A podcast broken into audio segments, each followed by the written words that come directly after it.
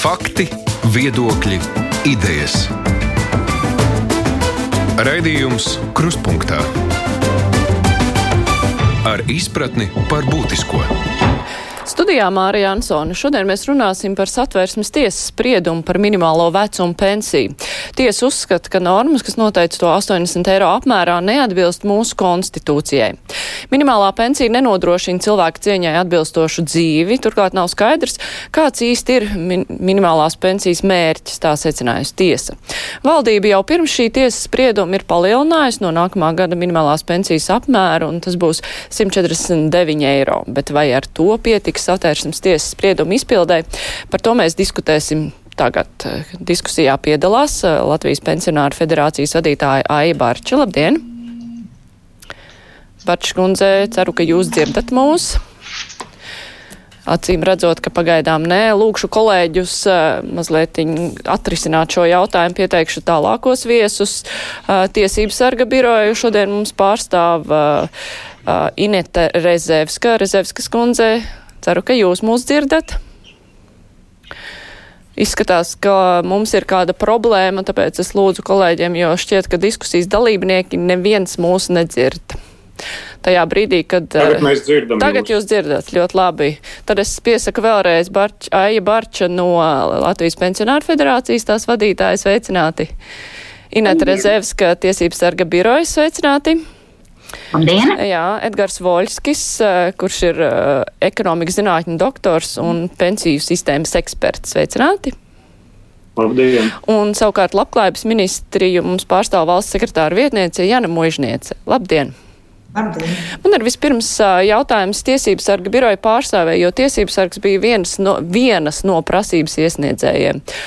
Izlasot šo spriedumu, tad šī te galvenā problēma slēpjas vai tajā, ka šī pensija ir pārāk maza, lai sektu pamata vajadzības, vai arī tajā, kā šī pensija tiek veidota. Kā jūs skaidrotu šo spriedumu? Jā, paldies. Un paldies arī par iespēju skaidrot spriedumu. Um, arī satversmes tiesa savā gan preses konferencē, gan dažādos uh, atsaucēs pēc uh, tiesas sprieduma ir teikusi arī par citām sociālā uh, nodrošinājuma lietām, ka tiesa nekad neizvērtēs par to, to vai uh, viens vai otrs uh, cipars vai lielums ir pietiekams uh, kādam noteiktam sociālam atbalstam. Tas, ko tiesa vērtē, vai ir skaidri noteikta, precīzi izstrādāta sistēma, lai, lai cilvēki varētu orientēties un saprast, lai arī tiesību normas pielietotāji varētu orientēties un saprast. Un faktiski tas, ko satversmes tiesa kādēļ atzina tiesību normu par neatbilstošu, tieši tāpēc, ka nav šīs sistēmas skaidrības, bet, bet vienlaiks tiesību satversmes tiesa nonāca pie daudz un dažādām ļoti vērtīgām atziņām. Un, protams, kas ir pati galvenā, mēs uzskatām šajā lietā, ka satversmes tiesa uh, identificē to, ka minimālā pensija pēc būtības tā ir, tā ir divējāda daba, tā nevar tikt vērtēta kā tāda kas um, pilnībā teikt, sadzīvo ar sociālās apdrošināšanas sistēmu. Tā ir tāda kā um, sociālajai apdrošināšanas sistēmai pievienots uh, lielums, bet ir skaidrs, ka viņi pilnībā nevar uh, sekties no šīs sociālā apdrošināšanas sistēmas uh, budžeta. Pēc būtības tiesa uh, nonāca pie secinājuma, ka minimālās pensijas ir tāds, kas tāds kā sociālā pabal, pabalsta veids, un attiecīgi tālāk arī vērtēja, līdzīgi kā vērtējot sociālos pabalstus, vai izpildās visi tie kritēriji, ko tiesa uzskata par nepieciešamiem tad, kad vērtē sociālos pabalstus. Protams, vai ir skaidri noteikts mērķis, kam šis pabalsts, nu, tātad minimālā pensija, ko tai būtu jānosedz vai ir skaidri kriteriji, kādā veidā šī, šī pensija tiek veidota. Jo, jo kā jau es izsākumā teicu, tiesa nekad neteiks, vai 109 vai 64 vai kāds cits skaitlisks lielums ir atbilstošs satvērsmē. Tiesa vērtēs tieši, tieši šīs sistēmas esamību vai nesamību. Jā, paldies. Jautājums labklājības ministrijas pārstāvei.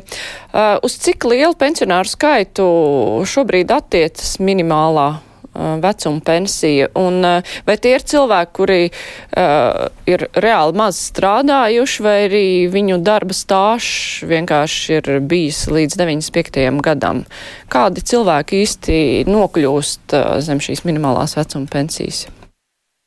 Jā, paldies par vērtīgu jautājumu. Patiešām jūs arī uzsvērāt to jautājumu būtību un sakni, e, kāda ir šī iemesla.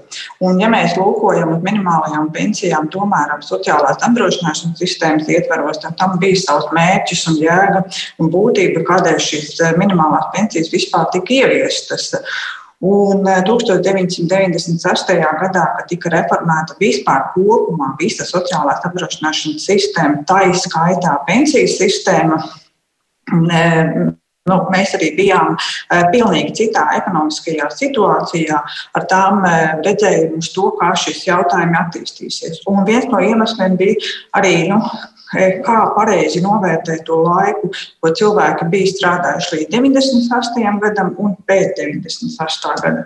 Tātad būtībā joprojām mēs dzīvojam tādā pārējais periodā. Un par īstajām vecuma pensijām varēsim runāt tikai tie, kuri būs eh, sākuši strādāt pēc 98. gada. Un tie iemesli patiešām ir ļoti daudz un dažādi. Un, eh, ja mēs runājam par pensijām, tad tas ir tikai Spoguļu attēlus, eh, kas notiek eh, ārpus šīs pensijas sistēmas, kāda ir šī nodarbinātība, eh, tās, cik ilga ir šī nodarbinātība, no kādas algas tiek maksātas sociālās apdrošināšanas iemaksas, un tie ir visi savstarpēji saistīti jautājumi. Un tas, ko mēs arī redzam, patiesībā analizējot savus datus, ka lielākajai daļai no šiem cilvēkiem, kuriem ir piešķirta minimālās pensijas, viņi ir strādājuši ļoti maz pēc 98. gada. Un pat uh, ir atsevišķi cilvēki, kuriem ir šis stāsts divi gadi. Tātad Bet, divi... ja var uzreiz precizēt, lai mēs tālāk neaiziet, jūs minējāt, viņi ir ļoti maz strādājuši pēc 96. gada, bet kas ir bijis līdz 96. gadam? Jo pensionāri, kur ir aizgājuši 55 gadu vecumā, piemēram, uh, pensijā vai 60 gadu vecumā, un, uh, un tas ir noticis 96. gadā, viņiem jau arī tā stāža pēc tam nebūs, bet viņi joprojām saņem. Viņi nav tik veci, lai uh, mēs uzskatītu, ka tādu pensionāru nav. Jā, piešķirot arī tā izskaitā minimālās pensijas, pensijas tiek arī indeksētas. Un tiem nu, pensionāriem, kuriem piešķīra, kuriem pilnībā šis stāsts bija līdz 96. gadam, Tā ir cita formula, pēc kā tika aprēķinātas, un šai laikā, piešķirtajā laikā, arī pensijas tika indeksētas. Tā, kā, tā nav tā lielākā daļa, problēmas daļa, par ko mēs šobrīd runājam. Lielākā daļa problēma ir jaunie pensionāri, kuri pakāpeniski ienāk uh, pensiju sistēmu saņemošajā daļā. Bet, uh, ja nav lielākā daļa, tad ir tādi cilvēki, kur ir strādājuši, teiksim, līdz 99. un 98. gadam tie ir pāris gadi, bet viņam ir kārtīgs darba mūžs pirms tam. Vai viņi var saņemt šo minimālo pensiju vai nav tādu cilvēku? Jā, protams, ir. Un arī tātad Viņu pensijas aprēķins atšķirās eh, būtiski, kā tiek aprēķināta līdz 96. un pēc 96. gada. Tātad šiem cilvēkiem ļoti nozīmīgs ir šis periods 96. un 99. gads, un arī šajā gadījumā uh, balss, uh, jāsaka tā, nosacīti nāk pretī vai noteikti šis atvieglojums viņa sākuma kapitāla aprēķināšanai. Un tātad, ja šajā laikā um, ir bijusi maza alga vai vai vispār nav bijis, tad šo, šo periodu novērtēja ar vidēju apdrošināšanas iemaksu algu tajā periodā. Tā, tā nav tā lielākā problēma, un tas, ko mēs arī redzam, ka pagaidām tie ir um, no jaunpiešķirtajām pensijām vairāk kā 50% tiek piemērota šī atvieglotā. Um, nu, procedūra un, vai, vai pensijas aprēķins, un, um, bet Vēlreiz uzsvēršu, tā lielākā problēma ir tie saucamie jaunie pensionāri, kuri šobrīd ienāk, kuriem kā, kādai daļai nevar piemērot šo atvieglojumu, jo nu, ir mainījušies nosacījumi. Un, nu, tā. Jā, nu tad vēl tad pēdējais precizējums, vai ir kaut kā, nu tādos salīdzinošos skaitļos mēs varam novērtēt, cik cilvēki no tiem, kur saņem minimālo vecumu pensiju, ir ar uh, ilgu darba stāžu un cik ir tādi, kuriem ir vienkārši ļoti mazs darba stāžs, neatkarīgi no tā līdz pēc 96. gada, bet tieši, ja mēs skatāmies uz darba stāžu. Tātad pakāpeniski gan šobrīd mums tās automāts vecās pensijas samazinās un ienāk vēlreiz uztverot šīs jaunās pensijas. Statistika arī, protams, mums ir, un lielākoties tie ir cilvēki, Es varbūt tādus laika gaitā sameklēšu šo statistikas datus un šo jautājumu tad atbildēšu precīzāk. Jā, nu tad eh, raidījuma gaitā mm. Barčs kundze, kā jūs vērtējat eh, šo spriedumu un jūsuprāt, eh, kas ir tas nu, galvenais, ko tagad vajadzētu ņemt vērā, pildot šo spriedumu? Paldies par jautājumu. Latvijas pensionāru federācija, protams, vienmēr ir gandarīta, ja senioru dzīves līmenis tiek uzlabots. Vienlaikus es gribētu teikt, nu, Mūžnieks kundze pašreiz meklēs jau to, tagad jau apskatījos. Tā kā mums no visiem 400, gandrīz vai 500 tūkstošiem pensionāru, kas ir 20. gada janvāra mēnesī, uh, 65, eh, nedaudz vairāk tūkstoši ir tie, kuri saņem šo minimālo pensiju jau šodien. Eh, vienlaikus eh, mūs uztrauc viena lieta, un par ko zvana seniori, kuri ir strādājuši ļoti garu darba mūžu, godprātīgi gan viņi paši, gan arī gan viņu darba devēji ir maksājuši nodokli, kā mēs tā mīļi saucam, bet sociālās apdrošināšanas iemaksas. Un uh, tagad pēc pašreizējā, cik mēs zinām, um, šī minimālā pensija ļoti strauji tuvosies vidējai pensijai. Uh, jo 2020. gada janvārī vidējā pensija bija 382 eiro. Un gatavojoties raidījumam, es tā parēķināju, ja pareizi esmu sapratusi, ka tad personai, kurai tagad būs 29 gadi darba stāsts pierādīts, pēc jaunā, pēc 136 un plus tālāk ar koeficientiem, tur jau būs 174 eiro. Un ir vēl viena būtiska un ļoti svarīga lieta – minimālās pensijas saņēmēji pašreiz liela daļa no viņiem ir trūcīgās personas statusā. Bet valsts ir noteikusi, un šodien tas ir spēkā trūcīgās personas status 128,06 eiro. Tas nozīmē, ka minimālās pensijas būs visas kā viena lielāka nekā noteikts uh, trūcīgai uh, personai status pies, pies, piešķirot. Tas nozīmē, ka uh, apmeklējot ģimenes ārstu, ārstējoties slimnīcā, saņemot zāles pēc receptes, par visu būs jāmaksā. Un tad nebūs iespējas vairs arī šiem senioriem, kuriem būs nu, šī jaunā uh, jaunā minimālā pensija, saņemt arī pārtiks pakas. Es domāju, ka par to, nu, esmu jau pārliecināta, ka noteikti ministrija par to domā, bet seniori ir stipri satraukušies. Un vēlreiz atkārtoju, ka vislielāko satraukumu pašreiz mums uh, pauž gan birojā, gan man telefoniski, arī uz ielas, jebkurā vietā, kur cilvēki man ierauga, saka tā, Es esmu strādājis vairāk nekā 50 gadus, bet tagad manam kaimiņam, kurš nostrādājis 15 gadus, pierādījis, ka viņš ir strādājis, jau būs 136 eiro. Un citai kaimiņienei būs jau vairāk nekā 170.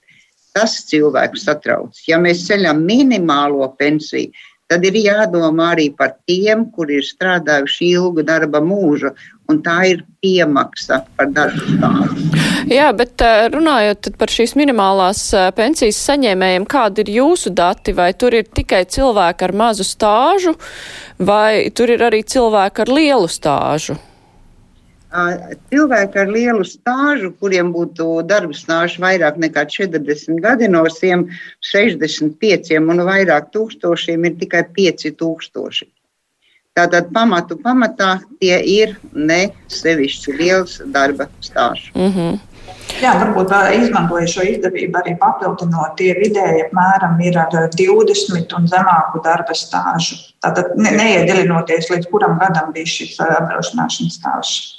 Tieši tā. Mm -hmm. Jā, tad jautājums Vojska kungam, kā jūs redzat šīs situācijas risinājumu, jo, ja te ir lielākā daļa šo cilvēku ir ar mazu stāžu un šī pensija lielā mērā ir, nu, kalpo kā pabalsts, nevis pensija, vai risinājums būtu izdalīt laukā tos cilvēkus, kur ir strādājuši padomu laikā un piemērot viņiem citu pensijas aprēķināšanas kārtību. Kā vispār iziet no šīs situācijas, lai tas vienlaikus būtu arī taisnīgi pret tiem, kur ir strādājuši, uh, un, uh, jā, un uh, vienlaikus arī būtu skaidrs, tad, uh, nu, nu, kam mēs nosakam šo minimālo pensiju un kā pēc kādiem kritērijiem? Nu, redziet, es jums vairāk kārt arī runāju un atkārtoju, ka mēs skatāmies uz visu šo situāciju kopumā. Mums jāstāsta par tādu lietu kā sociālais nodrošinājums. Un, ja mēs runājam par sociālo nodrošinājumu, tie ir divi virzieni, kur mums jāskatās. Viens ir šī sociālā apdrošināšana, kur mēs runājam par vecumu pensiju kā tādu. Un ir otrs virziens, ir tā saucamā sociālā palīdzība. Un šeit ir tātad svarīgi nodalīt šīs divas lietas. Jo, kad mēs runājam par sociālo apdrošināšanu, mums jāsaprot tas, ka viņi tiek pakļauta valsts sociālās apdrošināšanas sistēmai, kuri ne tikai vecuma pensijas, bet citi arī sociālās apdrošināšanas elementi, kas ir atbilst mūsu personīgajām iemaksām, ko mēs esam veikuši personīgi no mūsu uh, sociālās apdrošināšanas iemaksām caur mūsu atalgojumu attiecīgi. Un šeit tiek veidot mūsu individuālie, katram privāti noteikts valsts sociālās apdrošināšanas sistēmā sociālās apdrošināšanas konts, kur tiek uzkrātas saistības no valsts puses.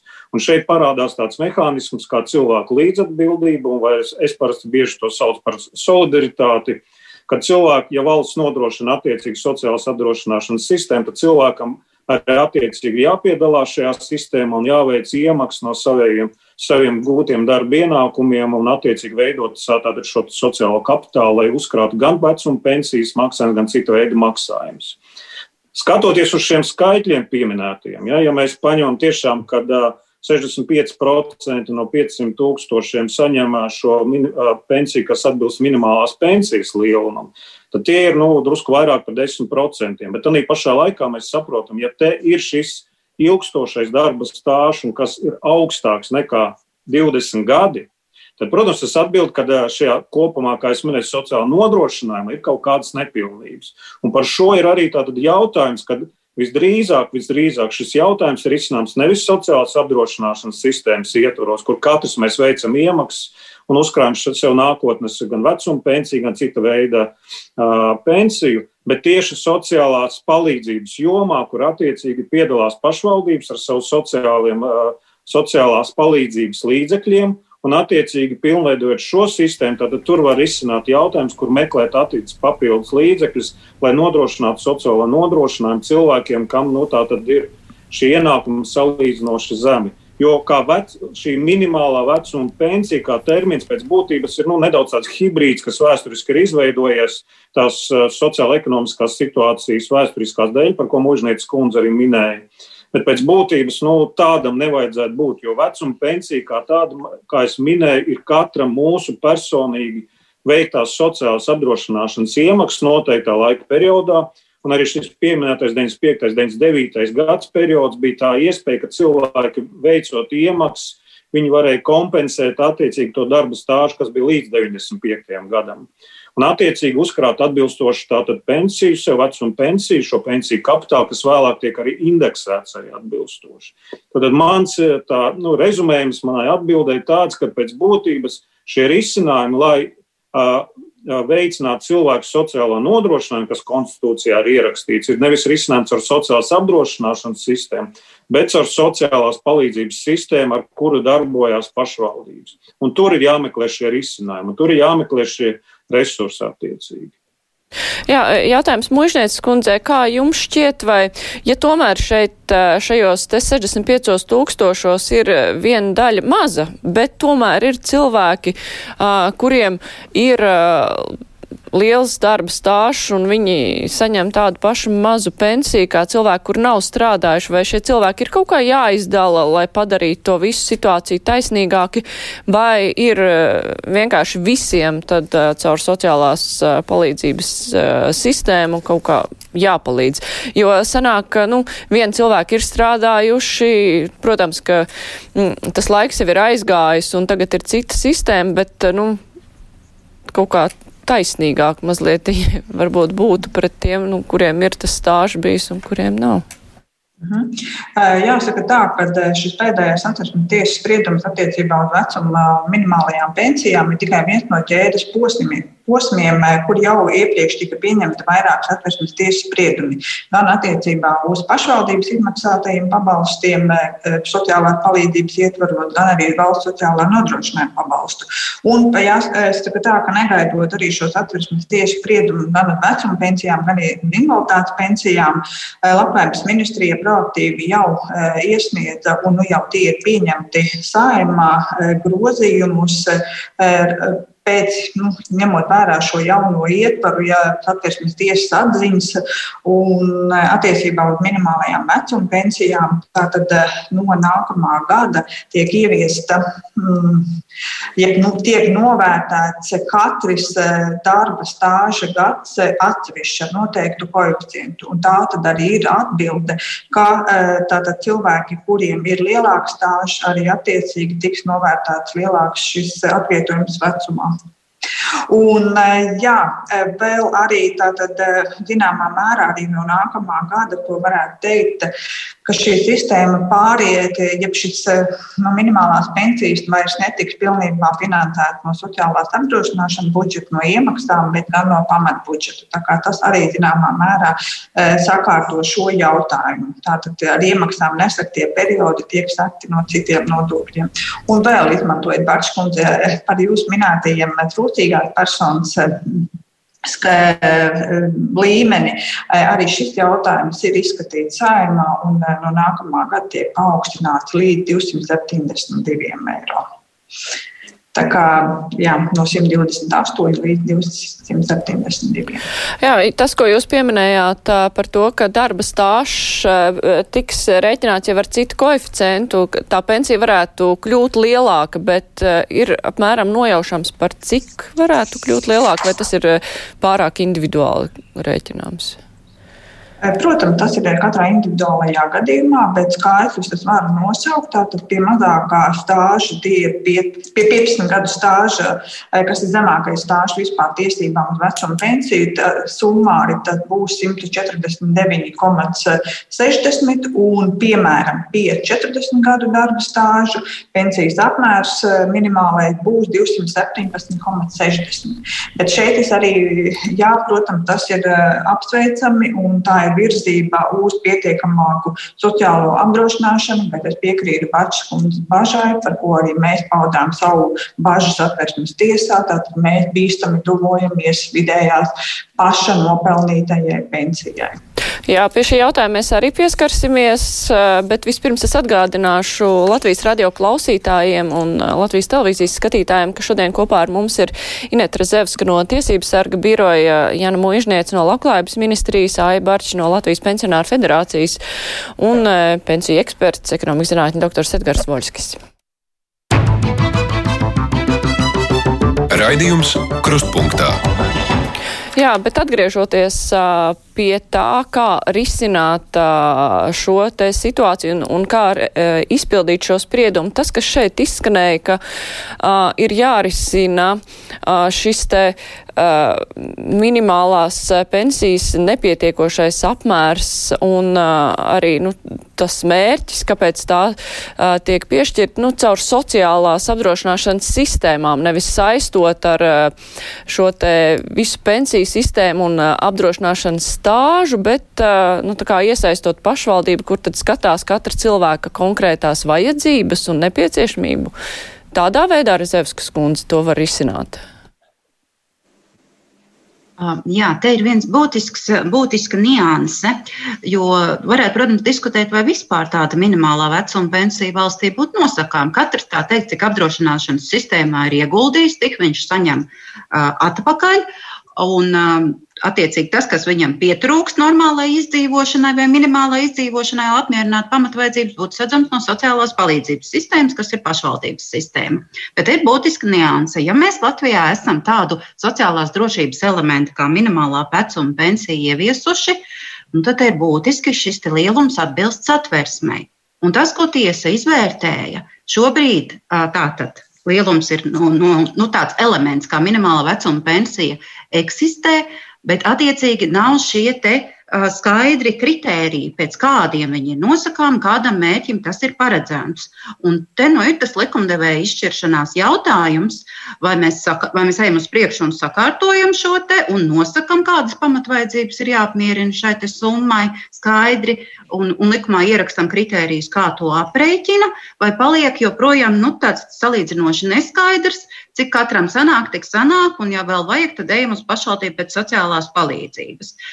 Tas, tas ko tiesa konstatē, tas ir, ka trūkst šīs skaidrības, un, attiecīgi, ja reiz mums tāds elements sistēmā ir izveidots kā minimālā vecuma pensija, tam ir jāatbilst satversmei.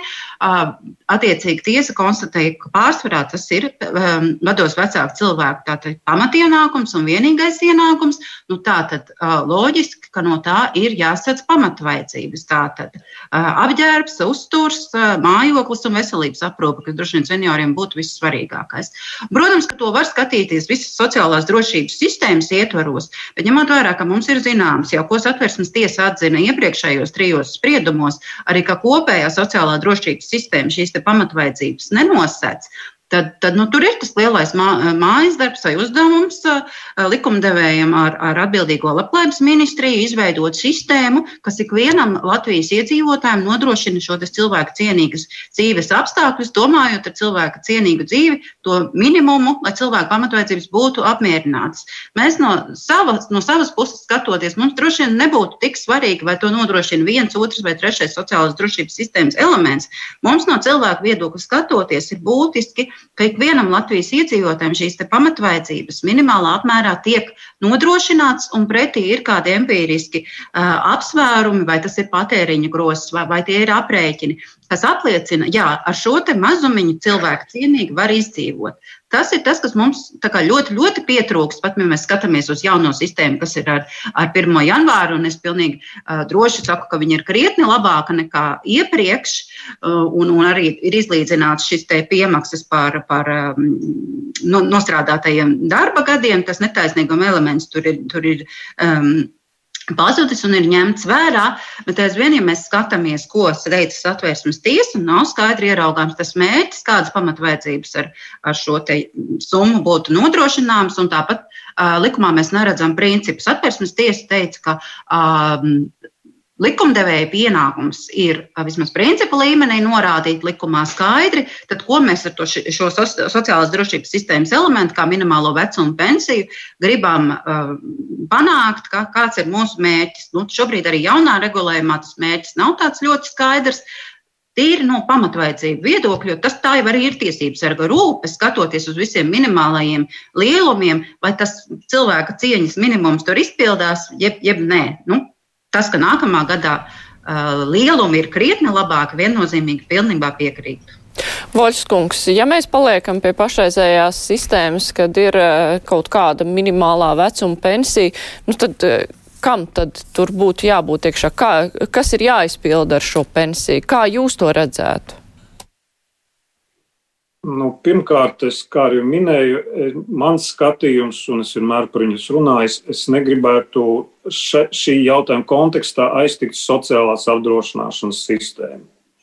Jo tas būtiskākais elements, ko bieži cilvēki piemirst un negrib runāt pat īsti vai neapzinās, ir tas, ka šīs sistēmas ietvaros, ko es arī minēju iepriekš, tiek veidots katram no mums šis saucamais sociālās apdrošināšanas personīgais konts kur atbilstoši mūsu iemaksām tiek uzkrātas nākotnes saistības par jebkāda veida pensiju, gan invaliditātes, gan vecuma pensiju, gan cita veida, gan maternitātes pabalsti, bezdarba pabalsti un tā tālāk, kuri tiek maksāti atbilstoši mūsu iemaksām. Tātad pēc būtības valsts veido uzkrā, uzkrājumus nākotnes saistības par katru mums personīgi individuāli. Un tur ir katrs no mūsu konts. Līdz ar to šīs sociālās apdrošināšanas sistēmā es šos risinājumus nemeklētu. Kāpēc es vēlreiz pieminēšu šo sociālās palīdzības sistēmu, kur var arī būt tātad finansējums no valsts pamatbudžeta, kā Mūžnieces kundze pieminēja, gan pašvaldību budžeti, jo te arī, ko Rezevskas kundze pieminēja vairāk kārt šo jautājumu, kad pamatvajadzību finansēšana.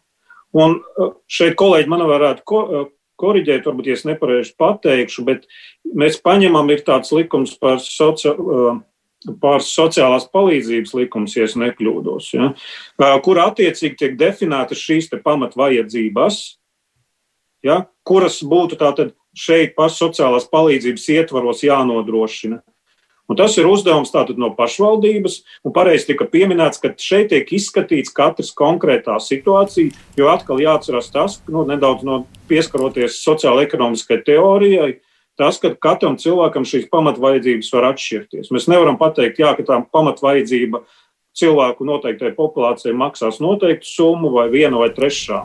Attiecīgi šeit jāsaprot ir tas, ka eh, šis pamatvajadzība risinājums kā tāds ir definēts jau citā likumdošanas ietvaro, ietvarā, bet kā viņš tiek finansēts un ar kādiem mehānismiem un no kaut kā, kādiem noteiktiem līdzekļiem, vai tas ir pašvaldību budžets vai valsts pamatbudžets, ja, tad tas būtu skaidri jādefinē.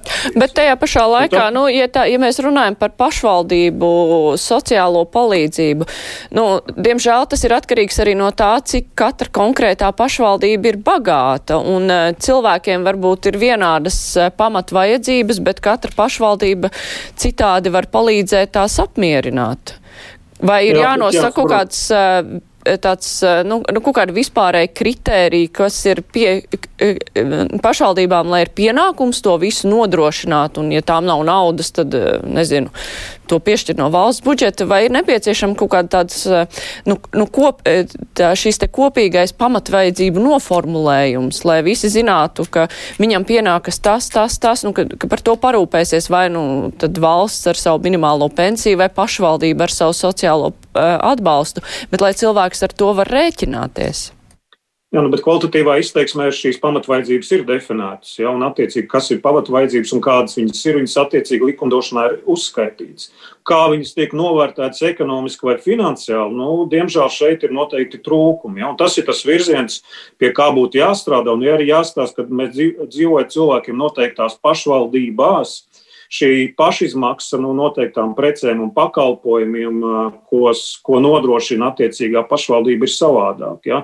Jo ir pastāv tomēr šie ekonomi, vai tā ir Rīga, vai Ventspils, vai nu, Liepāja, vai nu, kāda Latgalē, kāda no pašvaldībām. Ja? Tad šīs pašizmaksas atšķirās pašas par sevi. Tas arī ir jāņem vērā. Bet metodoloģija finanšu, finansu ekonomiskām aprēķinām Protams, viņa būtu jāprecizē, un tur tā būtu prizma, kas būtu risinām un meklējama, kā to jautājumu varētu aizvērt. Ja?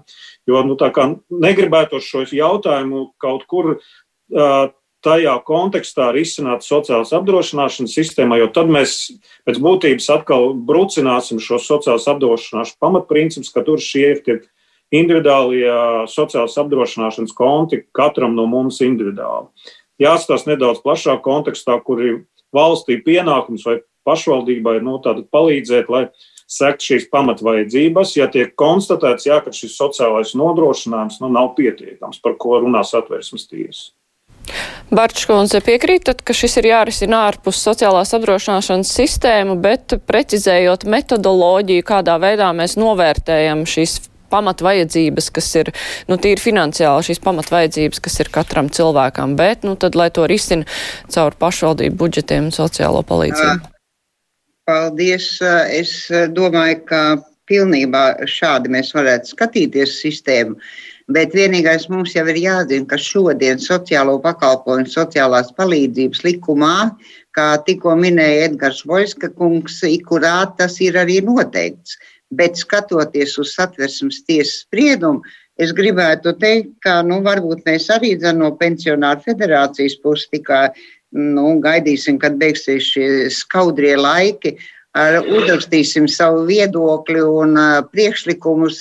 Manuprāt, to varētu papildināt vēl likumā par sociālo drošību. Bet viens solis jau ar um, nākošā gada 1. janvāri, un es uh, ceru, ka kolēģi man piekritīs, jau tiek spērts pareizā virzienā. Tas nozīmē, ka katrai personai aprēķina viņa pensiju un tālāk to piemaksu līdz minimālai pensijai, ko noteikusi valsts, maksās no valsts pamata budžeta. Un es domāju, ka tas ir ļoti pareizs solis. Un par to arī jau seniori stipri satraucās, ka tiks noplicināts sociālās apdrošināšanas iemaksas šis uzkrājums, kas tagad arī lielā, nu, lielā daudzumā glabājas valsts kasē un tiek tērēts ar procentu likmi, ja nemaldos, 0,6. Es varu vienīgi vēl piebilst, ka pagājušā gada beigās Pensionāru federācija sadarbībā ar Labklājības ministriju izstrādāja tādu interesantu brošūru, par kuru tagad interesējas ne tikai seniori, bet arī dzen, strādājošie un pat jauni cilvēki, kuriem tagad ir 35, 40 gadi.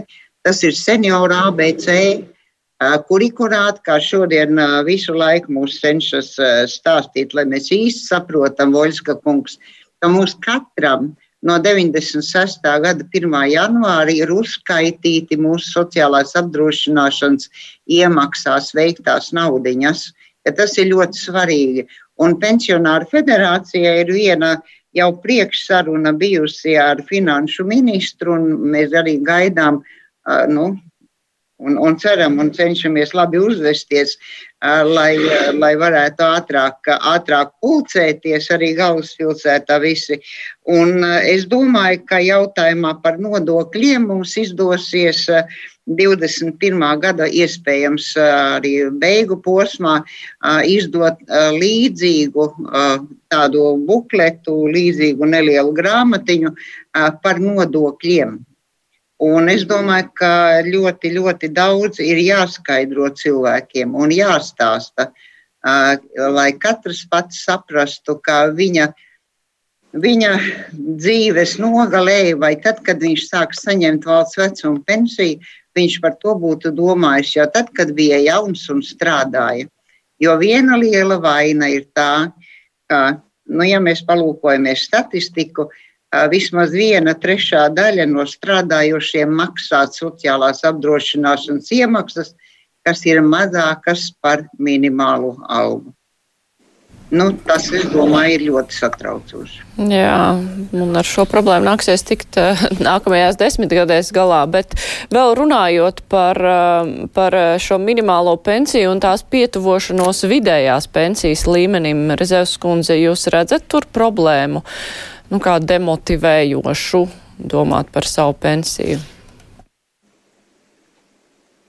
Nu, acīm redzot, ja cilvēki par to tik ļoti satraucās, tad tur nevarētu teikt, ka tur nav problēma. Gan jau, ka tur ir problēma. Bet, lai šobrīd īpaši noidentificētu, kura ir tā vājā vieta un kādā veidā celt uz augšu tās pensijas, vai tas būtu ar, ar citādāku indeksācijas kārtību, vai tur vēl kāds, vai, vai ir jāatjauno piemaksas uh, par darba stāžu, kas, manuprāt, no, no 13. gada vairs netiek aprēķināts.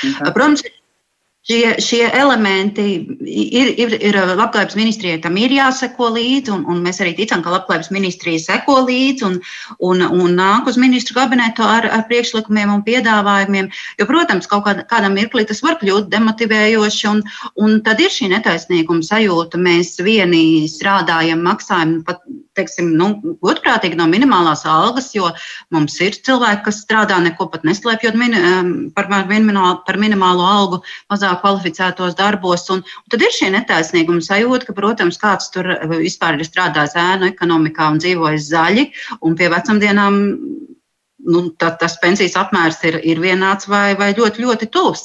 Protams, arī šie taisnīguma elementi ir sistēmā jāmeklē un, un, un jālūko, kā, kā iespējami no tādiem, tādiem izvairīties. Bet nu, viennozīmīgi. Um, manuprāt, mēs nevaram domāt, tāpēc, ka kādam sāks šķist, ka mums kā, ka, ka, ka kādam ir pa daudz, tāpēc šie, šie, šie sociāla atbalsta lielumi varētu būt neatbilstoši satversmē un nebūt balstīti cilvēka cieņā, respektīvi, lai šie cilvēki uh, varētu izdzīvot. Nu, Latvijas Republikas satvērsme katru cilvēku tur kā vērtību, vai viņš ir, ir bijis apzinīgs vai mazāk apzinīgs, Līdz ar to te ir runa par tiem minimālajiem lielumiem, un attiecīgi tie, kas ir bijuši vairāk apzinīgi, Nu, jā, nu ir, jā, ir likumdevējiem, valdībai jāseko līdzi, kā, kā šos sistēmas elementus uzlabot, lai, lai neveidotos šie netaisnīguma elementi viennozīmīgi. Jā, labklājības ministrija jau ir pieņēmuši šo lēmumu par to, ka minimālā pensija jau tiek celt no nākamā gada, un kā norādīja Barčs kundze, tā, tā atšķirības starp vidējo un minimālo ir sarukusi. Kā labklājības ministrija skatās, nu, kā tas tālāk var attīstīties? Vai, mm, nu, vai tad uh, nekad netiks vairs celta šī minimālā pensija vai pārskatīts uh, vispār kā, nu, pēc kādiem principiem mēs to veidojam, bet, nu, lai nebūtu šī atšķirība pārāk maza, vai arī domāts par to, ka tā vidējā varētu vēl pieaugt. Kā jūs skatāties, kā tas varētu tikt risināts nākotnē? Nu, kopumā attiecībā uz minimālo ienākumu sistēmu, ka šis, šis jautājums ir jāsakārto, par to labklājības ministrija jau šo sarunu, ja tā var to teikt, nosaukt, inicēja 2014. gadā, iesniedzot valdībā plānu par minimālo ienākumu sistēmas pārskatīšanu. Jāsaka tā, ka nu, tā īsteni vai, vai, vai pakāpeniski šis plāns tika īstenots tikai šogad, mazliet paaugstinot, virzoties uz šo mērķi un pilnībā tātad, eh, tas tika īstenot pēc atversmes tiesas eh, trīs spriedumiem eh, un proaktīvi reaģējot uz potenciālajiem diviem. Un tātad ar to, ka valdība 2014. gadā tomēr akceptēja to kopējo konceptu, ka tiek piemērot Latvijā šī relatīvā metode, kas ir tā pamats bāze, kādā veidā tiek aprēķināti visi minimālie ienākuma līmeņi. Gan pašvaldībās izmaksājumie, gan no valsts kā valsts sociālā nodrošinājuma pabalsts un minimālās invaliditātes un vecuma pensijas. Un proti, tajā gadījumā tiek izmantoti vidēji iedzīvotāji ienākumi, viduspunkts, te nevis vidējie, bet viduspunkts, mediāna, eh, kas tad ir eh, statistisks lielums, kas katru gadu tiek publicēts. Gan ar divu gadu nobīdi, bet vienalga. Un šis princips tātad eh, arī tika sākotnēji ieliks gan koncepcijā, gan arī um, likumprojektos.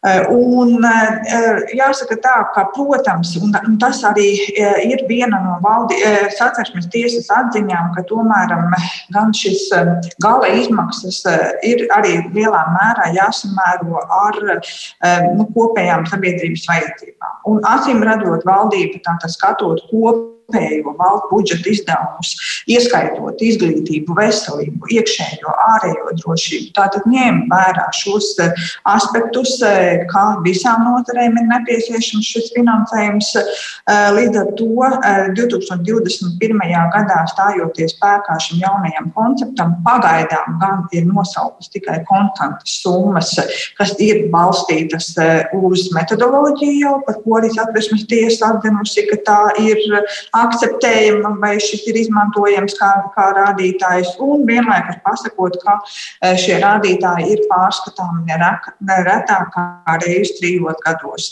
Vienlaikus arī tātad deleģējot ministru kabinetam līdz nākamā gada vidum, vēlreiz pārskatīt šo metodoloģiju, pārskatīšanu biežumu un citus rādītājus. Tā kā to tas nozīmē to, ka jautājums ir procesā, nepārtrauktā attīstībā un um, atbilstoši arī sociāla-ekonomiskajai situācijai. Jā, mums vēl dažas minūtes palika. Es gribēju pavaicāt Voiskunga nu, prognozi vai komentāru par aspektu, ko pieminēja Aibarča saistībā ar to, ka trešā daļa maksā sociālās iemaksas mazāk nekā no minimālās algas. Vai tas nozīmē, ka nu, tad nākotnē valsts budžetam būs, tieši valsts, nevis pensiju budžetam būs pamatīgs sloks lai sniegtu šiem eh, cilvēkiem sociālo palīdzību, jo tad, eh, nu, attiecīgi, viņi acīm redzot būs sociālo dienestu klienti. Kā tas varētu izskatīties nākotnē? Nu, pats par sevi, protams, ka eh, Baršs kundze akcentē ļoti būtisku aspektu, un tā, tur, tā teikt, ir, nu, tautā izsakoties, tur tas suns ir apraksts visā dziļajā problēmā pēc būtības šodien. Ja? Un tas ir tas elements, kas grauj visus šos sociālās, sociālā nodrošinājuma sistēmu kopumā valstī. Jo, nu, pieņemot dažādu veidu sociālo-ekonomiskās prognozēšanas modeļus, tas parāda to, ka nu, no vienas puses šis uzkrājums veidojās sociālās apdrošināšanas sistēmā, kopumā budžetā, ja, bet viņš pats par sevi, nu, ņemot vērā nākotnes prognozes, būs jānovirs, nu, lai finansētu esošās uzkrātās pensijas saistības pēc 10, 20 gadiem. Bet arī pašā laikā jau šodien uz, uh, mazāk ienākot summai, tas runā to, ka pēc 20 gadiem tas atkal var radīt papildus slogu ne tikai sociālās apdrošināšanas sistēmai, bet arī nu, cita veida budžetiem, gan pašvaldību budžetiem, gan valsts pašvaldību budžetam. Un tas atbild par to, ka ļoti labi, ko Mužnieks kundze pieminēja, ka netiek skatīta tikai vienīgi kā, tur, kā šis, šī saucamā mediāna vai vidēji svērtie rādītāji uz kopējo skaitļu kopumu, bet nu, tiek skatīt arī šo situāciju biežums, kad mēs pieņemsim salikto skaitļu kopā tīri no statistikas teorijas darba stāžu ar attiecīgiem ienākumu līmeņiem un tad skatītos, kur tās problēmas slēpjas. Un es domāju, ka atbilde būtu ļoti nebūtu tālu meklējuma. Ir šī problēma, ko pieminēja Bāčs kundze, ka šīs iemaksas no minimālās pensijas. Un tas atbildēs par to, ka jā, nu, šī būs nu, problēma, sakarības starp sociālās apdrošināšanas sistēmu kā tādu, nu, kur, kurā veidosies nu, nepilnības. Nu, līdz ar to tas arī vilks līdzi arī valsts pamatbudžetu un sociālās palīdzības budžetu so, pašvaldībās. Bet jā. tur vēl desmit gadi jāpagaida. Ir. Nu jā, bet jūs jau sākumā minējāt, galvenais ir neķerties klāt pie šīs te pašas pensiju aprēķināšanas sistēmas, ka tā, lai paliek nemainīga, bet tad acīm redzot ir jādomā jā, par tā, kā. Tas būtiskākais, kas būtu šeit. Jā, bet tas nozīmē, ka ir vairāk jādomā pie tā, lai cilvēki tomēr veiktu lielākas sociālās iemaksas. Pie tā agri vai vēl būs jā, jāatgriežas. Nu, ir jau pieņemti pirmie lēmumi šajā sakarā, bet acīm redzot, atslāpt nevarēs. Nu, cilvēkiem jābūt līdzatbildīgiem. Tas ir tas termins, ko es bieži pat studentiem stāstu lekcijās, kur runāju par sociālo apdrošināšanu, ka solidaritāte ir vienlīdzība ar līdzatbildību. Nu, tad jāmaksā nodokļi attiecīgi valstī, kurā, kur jums nodrošina šāda veida sistēma.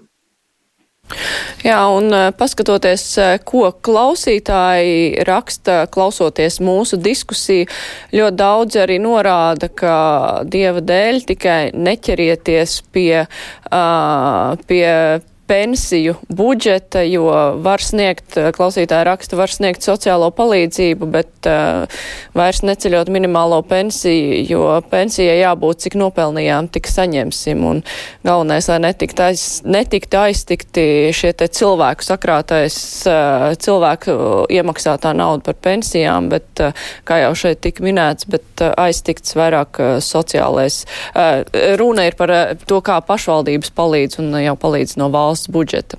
Tā kā cilvēki uztraucās par savām pensijām, atbildīgie maksātāji. Nu, Es savukārt teikšu paldies uh, diskusijas dalībniekiem. Šodien uh, kopā ar mums bija no Tiesības sarga biroja Ineta Rezēvska. Paldies, ka varējāt piedalīties.